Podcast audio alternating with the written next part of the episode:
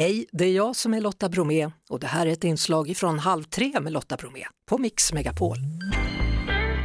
Tjolöholms slott i eh, Halland har fått en prestigefylld plats på listan Treasures of European Film Culture som den Europeiska Filmakademin skapat. Och en av anledningarna då till att man får plats på den här listan det är för att Lars von Triers film Melancholia från 2011 spelades in på det här slottet. Magdalena Kasper, slottsintendent på Tjolöholms slott och platsansvarig under inspelningen av Melancholia. Stort grattis! Tack, jättestort tack! Ja, var var du någonstans när du fick reda på att ni fått den här utmärkelsen? Eh, Jag var naturligtvis på slottet. Vilken tur! Eh, Ja, Mm. så att eh, det var väldigt, eh, ganska överraskande men eh, jag är inte alls jätteförvånad ändå. Nej. Men, det Va- var en fin inspelning. Ja, vad minns du från inspelningen av Melancholia? Alltså det var ganska magiska två veckor. De var ju här mitt under våran eh, absoluta högsäsong i juli och eh, första veckan var det bara inspelningar på natten.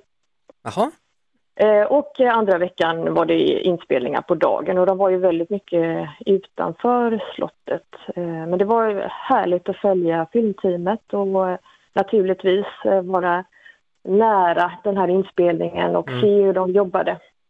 genom åren så har det ju spelats in ganska många reklamfilmer, musikvideor och, och tv-serier och se. Vad, vad är det som är hemligheten? Varför vill man vara hos er?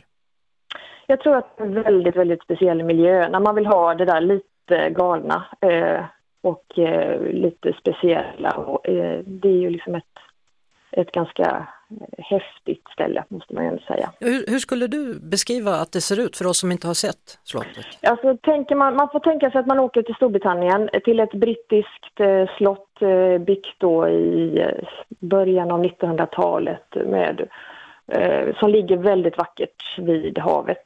Mhm. Och med en fantastisk eh, stor park runt omkring det här stora stenslottet i lite 1500-talsstil. Fick jag känslan av att Elisabeth den andra, om hon fortfarande levde, skulle kunna gå där i trädgården. Ja, absolut. Ja. Det hade hon, hon hade trivts. Hennes man var ju faktiskt här och hälsade på oss.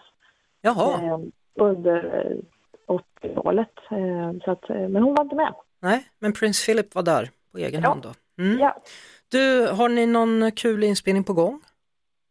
Vi får ju förfrågningar eh, från och till hela tiden så att just nu är det kanske ingen men eh, snart är vi ju lite, lite, lite aktuella i Björn Runges film. Eh. Bränn alla mina brev där han var här och spelade in lite få, några korta scener. Härligt. Mm. Du, eh, vad fick man för pris då, mer än att ni är på den här listan? Fick ni något Vi diplom? Med på den här, ja vi kommer att få ett emblem som vi har möjlighet att sätta upp någonstans på området som man kan då beskåda när man kommer hit. Och det är många eh, cineaster som faktiskt kommer hit för att de har sett Melancholia på, på den här häftiga platsen. Mm. Så man behöver inte vara prins Philip för att få besöka er? Nej du, det är öppet för alla, verkligen. Tack så mycket och än en gång stort grattis då Magdalena Kasper. Ja, tack så mycket. Det var det. Vi hörs såklart igen på Mix Megapol varje eftermiddag vid halv tre. Ett poddtips från Podplay. I podden Något Kaiko garanterar östgötarna Brutti och jag, Davva, dig en stor dos skratt.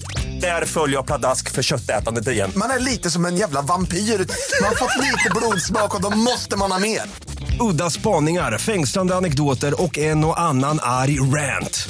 Jag måste ha mitt kaffe på morgonen för annars är jag ingen trevlig människa. Då är du ingen trevlig människa, punkt. Något Kaiko, hör du på Podplay. Därför arkadeinerna.